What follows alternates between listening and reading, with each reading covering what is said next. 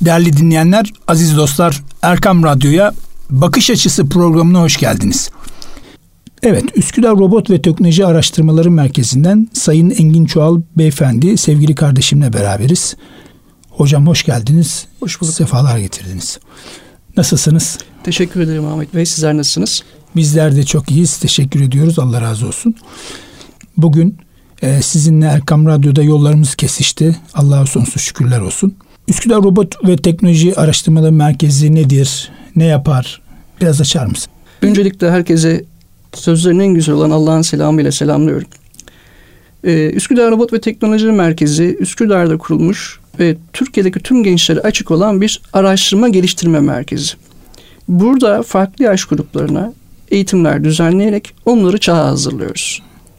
Kısaca yaptığımız faaliyetlerden bahsetmek gerekirse teknoloji hayatımızın her noktasında var. Dijital bir dünyaya doğru giderken iş yapış şeklimizi, mesleğimizi, iletişim şeklimizi tamamen değiştirdi. Böyle bir dünyaya çocuk hazırlamak içinse hangi beceriyle donatmak lazım? Bizim sorumuz bu oldu öncelikle.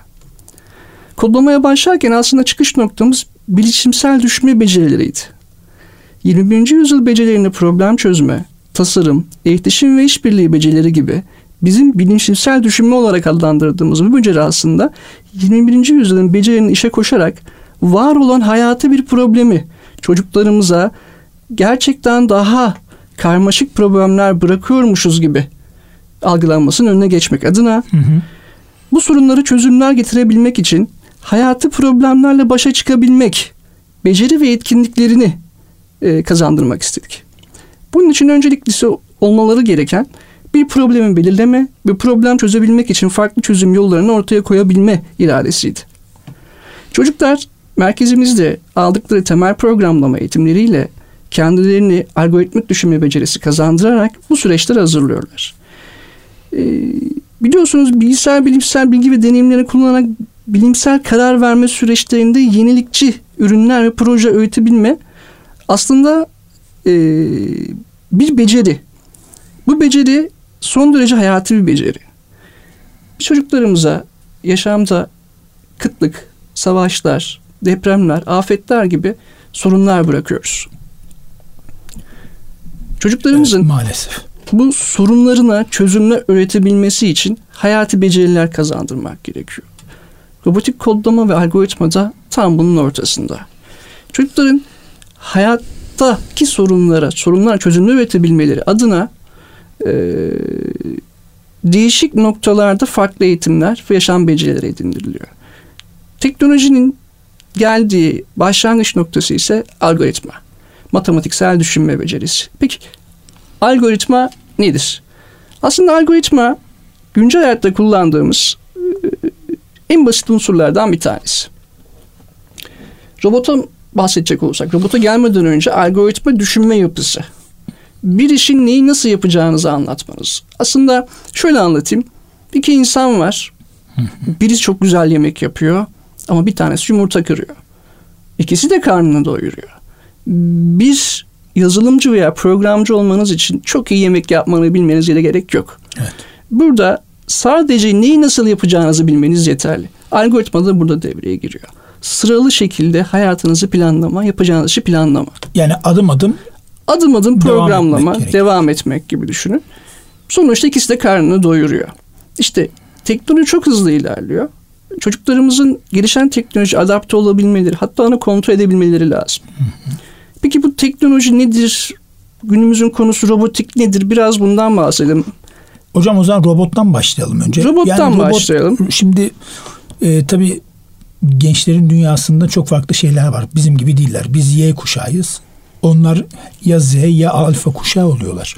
Şimdi e, tabi ister istemez e, sosyal medya, sosyal medyanın ötesinde artık kodlama, robotik kodlama ve buna benzer teknoloji türleriyle beraber hayatların içerisinde yaşıyorlar. Robot nedir? Biraz açar mısınız? Robotun kısa tarifi şöyle yapılıyor.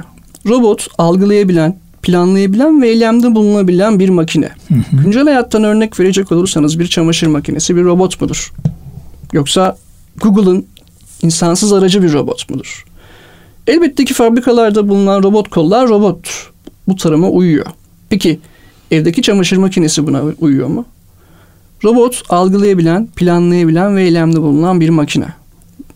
Bir robotun robot sayılabilmesi için önce üzerindeki sensörler sayesinde verileri algılaması, içerisindeki mikro işlemci sayesinde planlaması ve diğer mekaniksel yapılar sayesinde de eyleme geçmesi gerekiyor.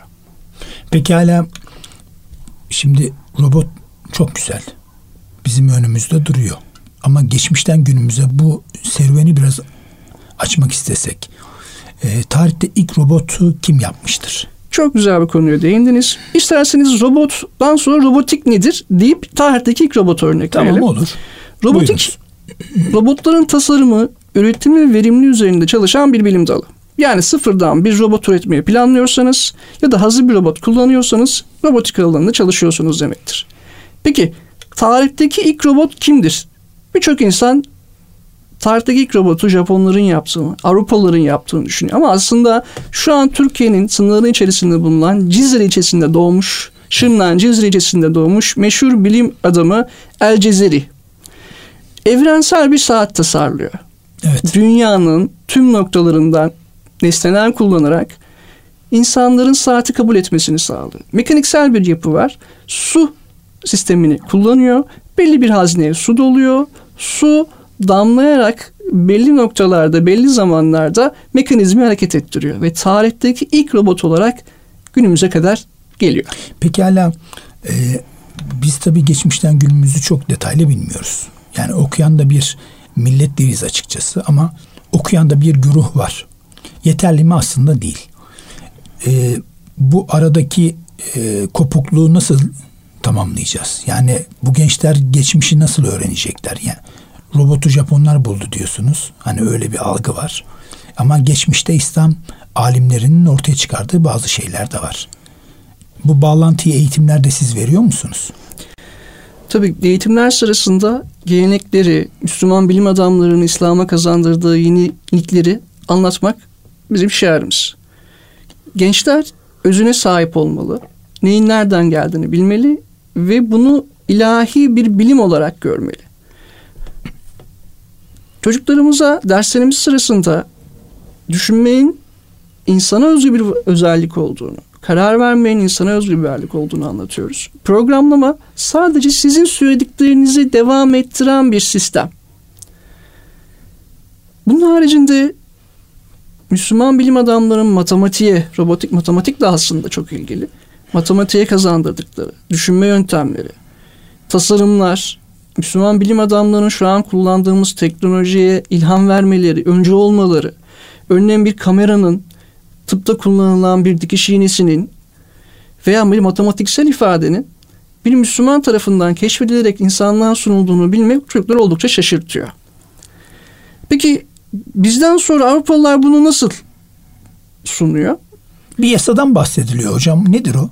Evet 1920'li yıllarda meşhur romancı yazar Isaac Asimov'un robotları bir tanıma koyduğu yasa. Peki bu yasa nedir? Şöyle diyor Isaac Asimov. Bir robot bir insana asla zarar veremez ya da zarar görmesine seyirci kalamaz. Hmm. İkinci yasa bir robot birinci kuralla çelişmediği sürece bir insanın emirlerine uymak zorundadır. Üçüncü aşama bir robot birinci ve ikinci kuralla çelişmediği sürece kendi varlığını korumakla mükelleftir. Örneğin bir robot sizin her söylediğinizi yapabilir ama birini öldürme, birine zarar verme emrinizi yerine getiremez. Bir robot bu kodlamayla alakalı zannedersen değil mi? Bu felsefik bir yaklaşım. İleride hani bir Ama robotun var. içerisine ne koyarsak yani sistem olarak ne koyarsak onu yapmaz mı? Hatta bununla alakalı siz şimdi bu yasayı anlatırken aklıma geldi. Böyle bir film de var. Evet böyle bir film var. I Robot, Ben Robot evet. denen bir film var. Burada bilinçleştirmeye çalışıyorlar. Bilinçten, bilinç kazandırmaya çalışıyorlar bir robota. Hı hı. Tabii robota burada insan öldürmedim. Ben insana zarar vermem. Aslında bu yasa üzerine kurulmuş bir film. Isaac Asimov'un üç yasasını anlatıyor. Robotlar elbette siz söylediğiniz zaman dediklerinizi yapmak zorunda. Hatta katil bir robot bile var. 1970'li yıllarda Ford Otomobil Fabrikası'nda tarihe ilk kayıt olarak katil robot olarak geçen bir robot birleştirme ekipmanı. Bir robot kol evet. çalışma sırasında bir işçinin alana girmesiyle onu öldürüyor. Tabi istemsiz yapılan bir şey ama tarihi katil robot olarak geçiyor. Hmm. Bu da robotların insanı öldürebildiğine başlangıcı aslında. Pekala hocam kullanım alanlarına baktığımızda e, robot türleri nelerdir? Çok çeşitlilik gösteriyor. Öncelikli olarak endüstriyel robotlar en bilindik olanlar. Fabrikalarda gördüğünüz otomobil parçalarını birleştiren ekipmanlar. Bunlar 6 eksenli, 5 eksenli olmak üzere farklı özelliklere sahip kaynak robotları. Bunun haricinde e, motor birleştirme parçaları, ağır yük kaldırma robot kolları gibi adlandırılabiliyor. İkincisi daha çok çevremizde gördüğümüz ev tipi robotlar. Bu robotlar hizmet robotları aslında. Ee, daha çok evlerde yerleri süpüren, size bir şeyler ikram eden, sizin geldiğinizi algılayıp akıllı ev sistemleri gibi hizmetler sunan robotlar. Üçüncü olarak karşılaştığımız tipler ise medikal robotlar. Robotik cerrahide kullanılan robotlar genelde bunlar. Hı hı. Kendine özgü yazılmış programları var. Cerrah, cerrah operasyonlarda hassas kesikler atabiliyor. Örneğin alanında uzman bir doktor yurt dışında ama hasta okyanusun diğer ucunda. Ameliyat yapabilecek doktor bu. Ulaşması çok zor. Olduğu noktadan diğer noktaya otomatlarla ameliyatı gerçekleştirebiliyor. Bir diğeri hobi ve yarış robotları. Bunlar gene günümüzde karşılaştığımız dronlara örnek verebiliriz. Ee, bunlar da hobi amaçlı geliştirilmiş yani robotlar. Gençlerin ellerinde bulunan. Gençlerin ellerinde bulunan geliştirilmiş robotlar. Günümüzde çok sık karşılaştığımız askeri robotlar. Dünya genelinde kullanılan en yaygın askeri robotlar aslında bunlar. Bomba imha robotları. Paletli yapıları var. Üzerlerinde eklenebilen kol ve gerekli ekipmanlarla her türlü müdahaleye, silah, bomba imha gibi hmm. operasyonlara katılabiliyorlar. Mayın tarama yapabiliyorlar. Arazi görevlerini icra edebiliyorlar. Yani askerler noktasında da en az zayiatı verecek durumda bu evet, aslında. Evet, Robotları hatta, öne sürmek. Evet Amerikan ordusu da şu an otomat robotlara geçti. Ekipman taşıma, arazi keşif gibi görevleri üstlenebiliyorlar. Bir diğeri uzay robotları. Uzay robotu deyince bu utopik geliyor tabii size. Biliyorsunuz uzayda bir radyasyon var ve çok uzak gezegenler var. Bunlara insanların gitmesi şu an mümkün değil. Ama bir robot mesafeleri hıza, oksijene ve enerjiye bağlı kalmaksızın ulaşarak orada keşif yapabilir, analiz edebilir ve verilerini bize gönderebilir. Bu da dünyada e, kullanılan yöntemlerden bir tanesi. Örneğin Mars'a gönderilen Voyager ve diğer ürünler oradaki araştırmaları yapıyorlar ve bize verilerini gönderiyor. Ve fiziksel yapılarına göre robotlar da ayrılıyor aslında. Bunlardan bazıları tekerlekli, paletli, ayaklı, yüzebilen, uçabilen mikro ve nano robotlar. Tekerlekli robotla örnek ver vermek gerekirse üzerinde eşya taşıyabilen, sınırlarda görev alabilen tekerlekli robotlar. Bunlar güncel hayatta da karşılaşabileceğimiz robotlar. İkincisi paletli robotlar. Bunlar daha çok kum, çakıl, sert zeminlerde hareket etmelerini sağlayacak. Sürüş tekniklerinde paleti kullanan robotlar. Ayaklı robotlarsa daha çok e, yeni yeni gelişen bir teknoloji ayakları üzerinde hareket edip dönebilen ve ilerleyebilen robotlar. Üçüncüsü amfibik yüzebilen robotlar. Bunlar da denizaltı modülleri gibi savaş alanında teknolojilerinde kullanılıyor. Aynı zamanda da e, bu yüzebilen robotlar denizin çok dip noktalarına erişim sağlayarak keşiflere imza atabiliyor. O zaman her alanımıza girecekler mi? Aslında her alanımızdalar. Etrafınızda gördüğünüz her şeyin robotik sistemlerin bir altı. Altı tarafı diyoruz programlama, kullandığınız cep telefonları, bilgisayarlar, akıllı evler, radyolar, her tarafta teknolojili ve robotlar var. Temel olarak yazılımla alakalı. Bir diğer örnek vermek gerekirse mikro robotlar. Bunlar da daha çok küçük alanlarda çalışmayı sağlayan robotlar. Nano robotlar ise geleceğin teknolojisi insan bedenine giriş yaparak tedavi, onarım yapabilecek robotlar. Peki bu kadar robot söyledik. Bu robotlar nasıl çalışıyor? İsterseniz biraz buna değinelim. Tabii mutlaka. Ee, bu robotların çalışması için bazı parçalara ihtiyacı var. Bunlardan bir tanesi kontrol kartı. Hani demiştik ki robot algılayan, işleyen ve hareket ettiren bir yapıya sahip olmalı. Bunun için bir kontrol kartı gerekiyor. Aldığı veriyi toplayabilmek için, sensörlerden gelen veriyi toplayabilmek için. Arkasından bu sensörü hareket ettirebilecek ekipmanlara ihtiyaç duyuyor. Peki nedir bu ekipmanlar? Sırasıyla başlayalım isterseniz. Kontrol kartının karar mekanizmasını gerçekleştiği kısım olduğunu söylemiştik. Sensörler robotun dış dünyadan haberdar alabilmesi için çalışan ekipmanlar. Bunlar cisim, sıcaklık, yükseklik, basınç, ışık, hareket ve benzeri algılamaları yapıyorlar. Motorlar motorlar step motorlar e, servo motorlar ama DC motorlar olmak üzere güç ve kuvvet bakımından farklı özellikler gerçekleştiriyor. Güç kaynaklarına göre robotlar adaptörden, pilden veya diğer güç kaynaklarından faydalanabilen robotlar. E, buraya kadar gayet güzel gidiyor. Pekala bir yapay zekadan bahsediliyor. Bu yapay zekayı biraz açar mısınız? Aslında yapay zekayı biraz farklı algılıyoruz. Temel olarak yapay zekanın tanımı şöyle. Bir bilgisayarın veya bilgisayar kontrolündeki bir robotun çeşitli faaliyetlerini zeki canlılara benzer şekilde yerine getirme kabiliyetine verilen ad. Hmm. Tabi biraz karmaşık oldu. Hani bizi robotlar bizmiş gibi davranacaklar, bizim adımıza karar vereceklermiş gibi bir algı var.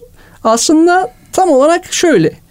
Biz ne istersek Sizin o. alışkanlıklarınıza uygun algoritmik süzgeçlerden geçmiş kararları yapı yapay zekalar verecekler. Yapay zeka bir beyin değil, bir robotik tasarım değil. Tamamen kodlardan oluşmuş.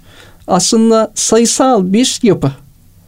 Hocam o zaman e, biyomimetik dediğimiz bir şey var. Yani hayvanlardan, canlılardan e, biraz da ilham alınarak yapılan şeyler zannedersem. Evet, biyomimetik bilim ve sanatın doğaya taklit etmesi aslında. Sözlük anlamı ise şöyle, doğadaki modelleri inceleyen, sonra da bu tasarımları taklit veya bunlardan ilham alarak tasarlanan robotlar. Bu zamana kadar e, bu ilham alınarak yapılan şeyler hep askeriyede oldu. Aslında bize yakın şeyler de olacak mı mesela evimizde, bahçemizde, arabamızda? Teknoloji doğadan ilham alınarak gelişti aslında Hı-hı. bakarsanız. Uçaklar kuşları inceleyerek tasarlandı. Tabii tabii. En güzel örneklerden bir tanesi uçaklar olabilir. Peki hayvanları inceleyerek hayatımıza giren, iş hayatımızı kolaylaştıran neler var? Gecko adlı bir kertenkele türü var. Bu kertenkele türü düz zeminlere bile tırmanabiliyor. Çağımızın sonlardan bir tanesi gökdelenlerin camlarının silinmesi. Milyarlarca insan bu bir, soruna çözüm arıyor aslına bakarsanız. Aslında şöyle bir şey var. Normalde binalar öyle değildi ama son zamanlarda her şey cam oldu. E, cam olunca tabii temizlik de önemli. Hava şartları da önemli. Hava şartları kötü olduğu zaman temizlik olmuyor. Temizlik olmayınca da yoldan geçerken o binalar gerçekten çok kötü gözüküyor. O zaman bu canlılar sayesinde bu iş şöyle bu kertenkelenin bahsettiğim geyik kertenkelesinin parmak uçlarındaki o mekanizmayı bilim adamları taklit etmeye çalışıyor.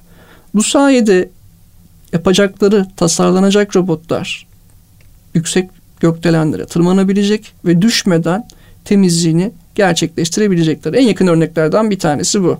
İkincisi yine askeriyede kullanılmak üzere deniz analarını düşünüyorlar. Suyun altında hareket edebilen, kendi kendine bağımsız sürü gruplar oluşturarak, fark edilmeyen gruplar oluşturarak savaş teknolojisinde kullanılmak isteniyor.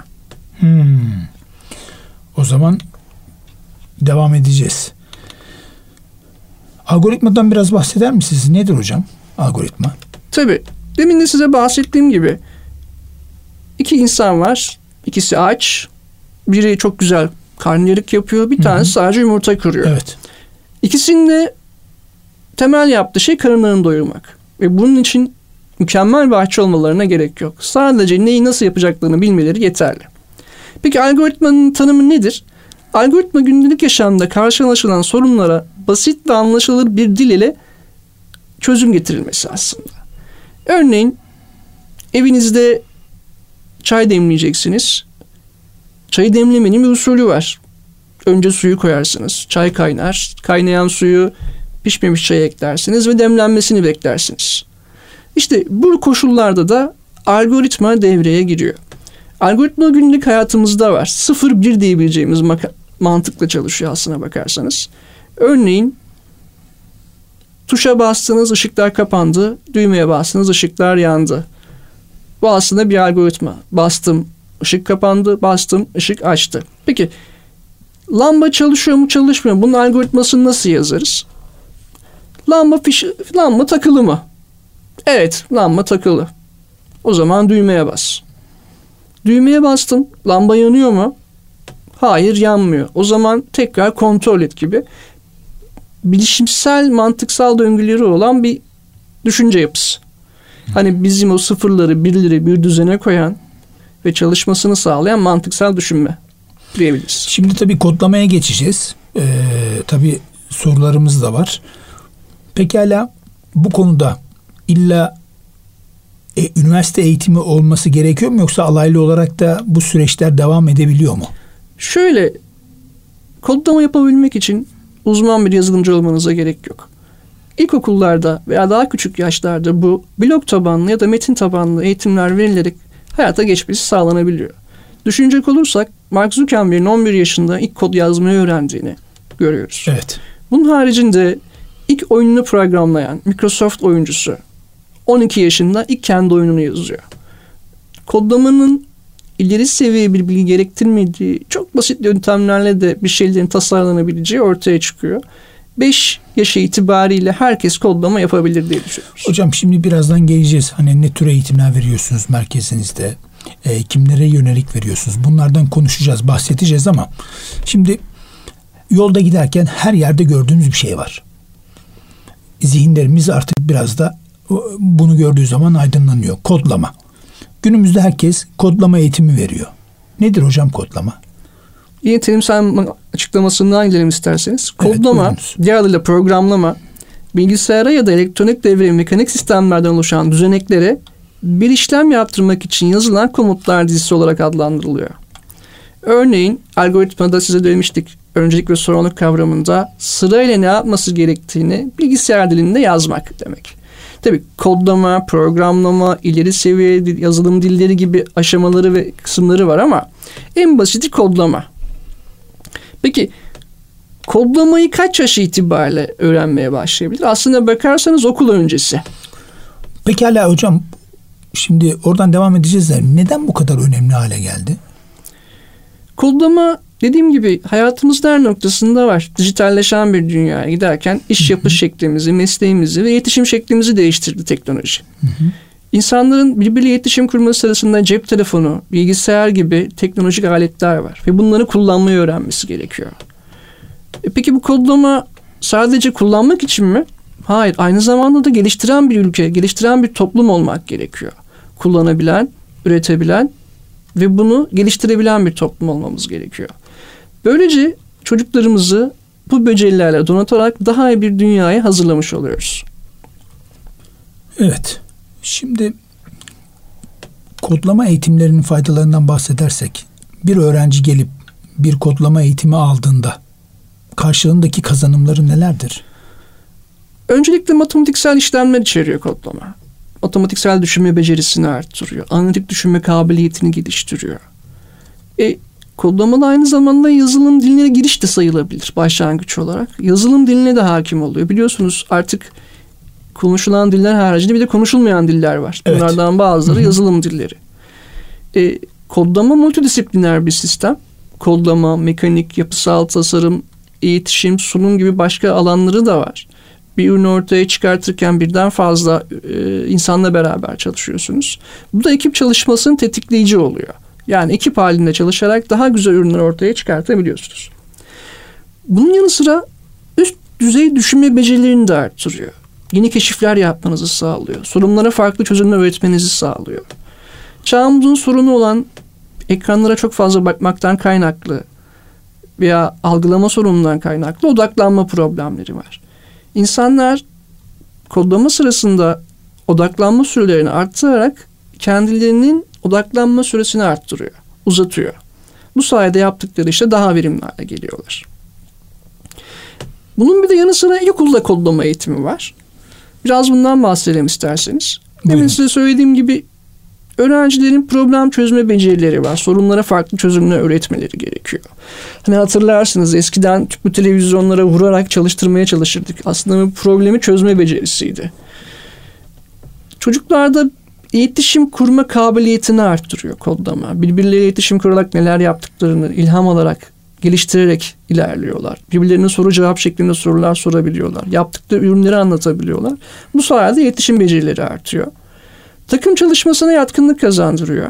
Örneğin bir tasarım yaparken veya bir robotik tasarım yaparken mekanik kısmını, yazılım kısmını birden fazla arkadaş, birden fazla ekip araya gelerek üretim yapabiliyor. Bu da takım çalışmasına, gelişmesine destek oluyor. Planlı çalışıyorlar. Ürünlerini ortaya koyarken. Neyi nasıl yapacaklarını, neye ihtiyaç duyduklarını, ne kadar sürede yapacaklarını kararlaştırıyorlar. Bu da onların hayatını daha planlı yaşamasını sağlıyor. Kritik düşünme gibi hayatın her alanında faydalı olacak hem bugünün hem de yarının mesleklerini yapmak için gerekli birçok beceri geliştirmeye olanak sağlıyor. Aslında çok güzel şeylere de değindiniz ama e, kodlama dendiğinde hani çocuklar şu anda pandemiden dolayı da bilgisayarın başından ayrılmıyorlar ya. Biraz da böyle problem çözme, iletişim kurma, takım çalışması tam tersi düşündük aslında biz. Kodlama dendiğinde. Yani bilgisayarın başında oturacak ve çocuk kimseyle konuşmayacak. Ve saatlerce orada bir şeyler yapacak.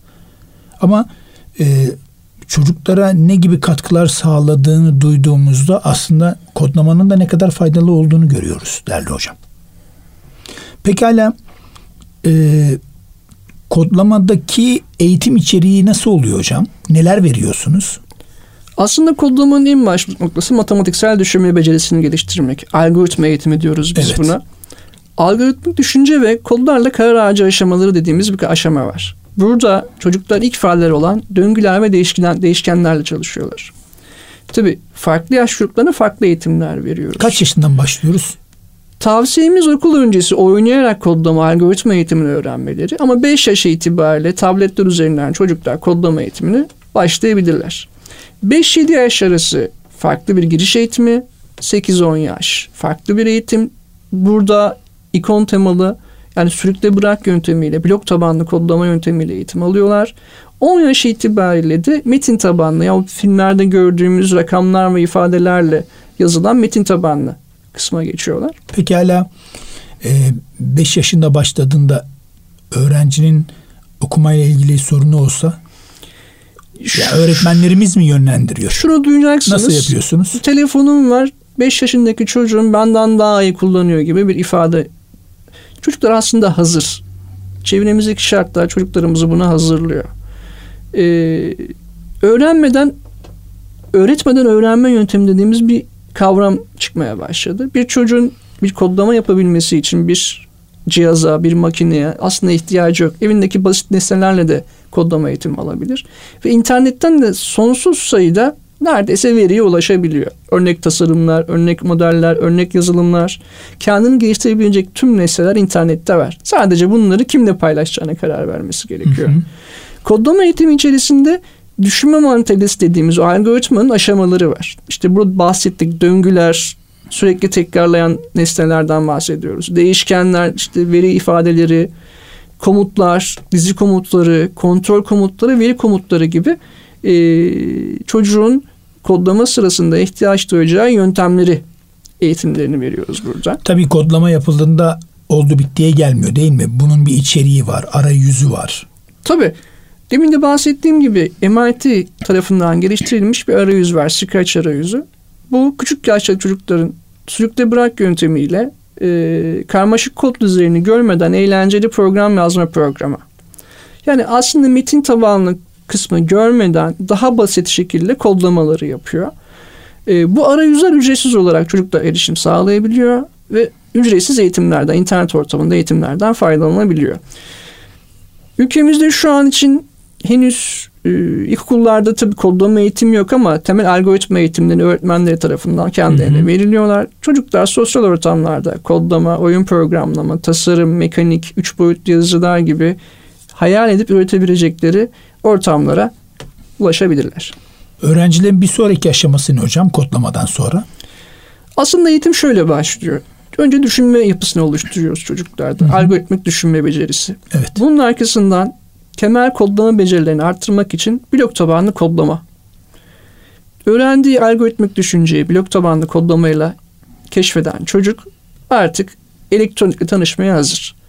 Öğrendiği temel kodlama bilgisini temel elektronikle harmanlıyor. Devre nedir, akım nedir, elektrik nedir, enerji nedir, kablo nedir, artı eksi kutuplar nedir bunlarla pekiştiriyor.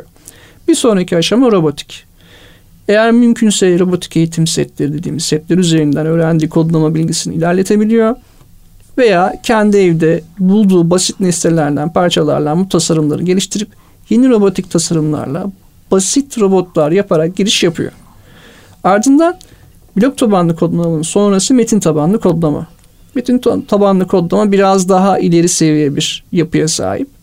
Bu yapıda etrafımızda gördüğümüz her nesneyi programlayabiliyor, kodlayabiliyor ve yönetebiliyor çocuk. Bunun sonrası ileri seviye dediğimiz elektrik elektronik bilgisi. Arduino dediğimiz, Python dediğimiz dillerle bu ürünleri kodlayarak yeni ürünler, tasarımlar, keşifler yapabiliyor.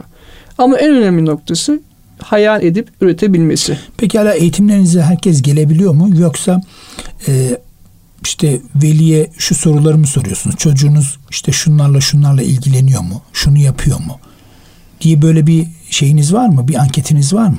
Aslında bize gelen veliler şunu istiyor. Benim çocuğumun yeteneği var mı? Hmm. Veliler bilinçli. Çocuğunun yeteneği doğrultusunda eğitim hayatını desteklemek istiyor. Eğer çocuğunun robotiğe yetkinliği varsa, yatkınlığı varsa bu alanda müziğe varsa bu alanda, spora varsa bu alanda. Küçük yaşta başlasın. Çünkü orta Küçük yaşta başladığı yetenek, zaman zaman kaybı oluyor. Yeteneklerini keşfetmesi konusunda öncülük yapıyorlar aileler. E tabi bize gelince birçok eksiği ortaya çıkartıyor robotik kodlama. Bir odaklanma sorunu yaşadığı hemen belli oluyor çocuğun. İkincisi e, iletişim kurma becerisi. Eğitim sırasında arkadaşlarıyla iletişim kurabiliyor mu? Bu ortaya çıkıyor. Bunun haricinde çocuğun görme yetileri var mı? Algılama. Disleksi olabiliyor bazı çocukta. Aile bunun farkında olmuyor. Robotik sırasında disleksi ortaya çıkıyor. Ee, odaklanma sorunu yaşayan çocukların aslında normal olmadığı, ailelerin ya bizim çocuğumuz normalde böyle şeyler yapmaz ama burada nasıl yaptı gibi sorunlara aslında ortaya farkındalığı oluşturuyorsunuz. Farkındalığı oluşturuyoruz. Gayet evet. güzel, gayet güzel. Aldığınız öğrenciyi belli bir seviyeye getirdiniz mesela bu öğrenci kaç sene bu işin üzerinde durması gerekiyor ki bir robotik kodlamada robot akademisinde örnek diyoruz e, bir hoca statüsüne gelsin.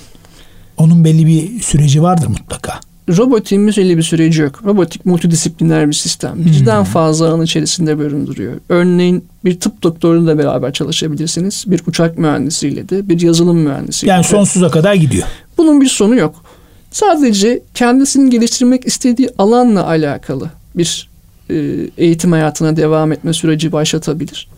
Biz de burada hangisine yatkınlığı verse, örneğin mekanik tasarımlara yatkınlığı olabilir, yazılıma yatkınlığı olabilir. Bu alanda eğitim hayatında tercih etmesini sağlıyoruz. Biz ise 4 aylık bir eğitim programına öğrenciyi katarak 4 ay sürecinde temel seviyeden ilerleyerek metin tabanlı kodlamaya yani sonrasına kadar çocuğu yetiştiriyoruz. Sonrasında kendisi eğitim almak isterse üniversitelerin ilgili bölümlerinde ya da sosyal ortamlarda verilen kurumsal eğitimlerde kendini geliştirebilir. Hocam şimdi bu eğitim içeriği tabii çok teferruatlı. Ee, zamanımız da daralıyor ama ben üç boyutlu alana girmek istiyorum. Müsaadeniz olursa bu yazıcılık, yani üç boyutlu yazıcı ve tasarım eğitimleri nasıl oluyor? Nasıl gerçekleşiyor? Ee, tabii çocuğun yapacağı nesneler için bir şaset. Örneğin bir araba tasarladı. Elektrikli bir araba ama bunu bir şase üzerine oturtması gerekiyor. Ya da yaptığı tasarım için ekstra bir parçaya ihtiyacı var. Kendi hayalinde tasarladığı bir parçaya. Biz bunu bilgisayar üzerinden üç boyutlu modelleme yöntemiyle çocuklar için tasarlanmış bir arayüzde öğretiyoruz. Ardından üç boyutlu yazılar üzerinden hazırladığı tasarım çıktı alıyoruz ve kullanımına veriyoruz. Çocuğun üç boyutlu düşünme becerisini de geliştiriyor aslında bu robotik eğitimleri. Hayal edebilme, tasarlayabilme, parçaları net bir şekilde görebilme. Bilirsiniz Mimar Sinan üç boyutlu görebilen bir beyne sahip olduğu söyleniyor. Yani biz iki boyutluyu görebilirken Mimar Sinan tasarımla tüm cepheleri aynı anda görebilen bir yeteneğe sahip olduğu Eserleri söyleniyor. ortada zaten. Eserleri ortada gördüğünüz gibi. Üç boyutlu düşünme yeteneği sonradan kazanılabilen bir yetenek. Allah vergisi bir yetenek de olabilir ama sonradan da kazanılabilen bir yetenek. Bu da çocukların mimari tasarımlarda ve endüstriyel tasarımlarda ön plana çıkmasını sağlıyor. Hocam kodlamadan bahsetmiştik, kazanımlardan, faydalarından bahsetmiştik. Ee, bu robotik eğitim alan öğrencinin kazanımları neler oluyor? Demin de bahsettiğim gibi analitik düşünme yeteneği sahip oluyor bu çocuk. Yani matematiksel ifadelerde kendini geliştiriyor. Derece ve açı kavramlarında, geometrik şekillerde, tasarımların sürecinde her alanında matematiği kullandığı için hem düşünme hem de matematiksel zekası gelişiyor. İkincisi kodlama dediğimiz gibi bilgisayarla yapılan bir unsur. Yazılım diline hakim olmak gerekiyor. Çok basit kodlama dizilerini çocuk tasarlarken yazılımın da inceliklerini kavruyor. Yani o dilin özelliklerini de öğrenmiş oluyor. Ekip çalışmasından bahsetmiştik. Yani multidisipliner bir sistem. Bir tıp doktoruyla çalışabiliyorsunuz bazen. Bir araba tasarımcısıyla da bazen de bir elektronikçiyle çalışabiliyorsunuz. Burada da ekipler arasında iletişim becerilerini kazanması, ekip çalışmasının nasıl yapıldığını öğrenmesini sağlayan bir eğitim kazanımı sağlıyor. Proje tabanlı öğrenme yardımıyla sorun giderme. Hani demin bahsetmiştik ya bir televizyona vurarak çalıştırıyor, bir sorun gideriyor. İnsanların ihtiyaç duyduğu sorunlara farklı bakış açılarıyla çözümler üretmeye çalışıyorlar. Ee, sözünüzü balla kesiyorum. Televizyona vurma hadisesi de bizim milletimizde var. Evet. yani ben gezdiğim, gördüğüm ülkelerde, yaşadığım ülkelerde görmedim böyle bir şey. Bozulduğu zaman hemen alo e, gerekli olan yerlere bilgi veriliyor ve ustalar geliyor. E, bu işi çözüyor. Aslında bizde var. Hatta bazen telefonlarda yapmaya başlayanlar evet, var. Türk insanın proaktif becerisi. E, bu olaylar sırasında kendi çözüm yöntemlerini üretiyorlar. Bu da en komik örneklerden bir tanesi belki de. Ya bize has ama güzel bir şey. Evet. Bunun haricinde çocuklar bazı parçalarla uğraşarak örneğin tornavida tutmayı, pense tutmayı veya iki parçayı birbirine birleştirmeyi el becerileri motor kaslarının gelişimine destek oluyor robotik.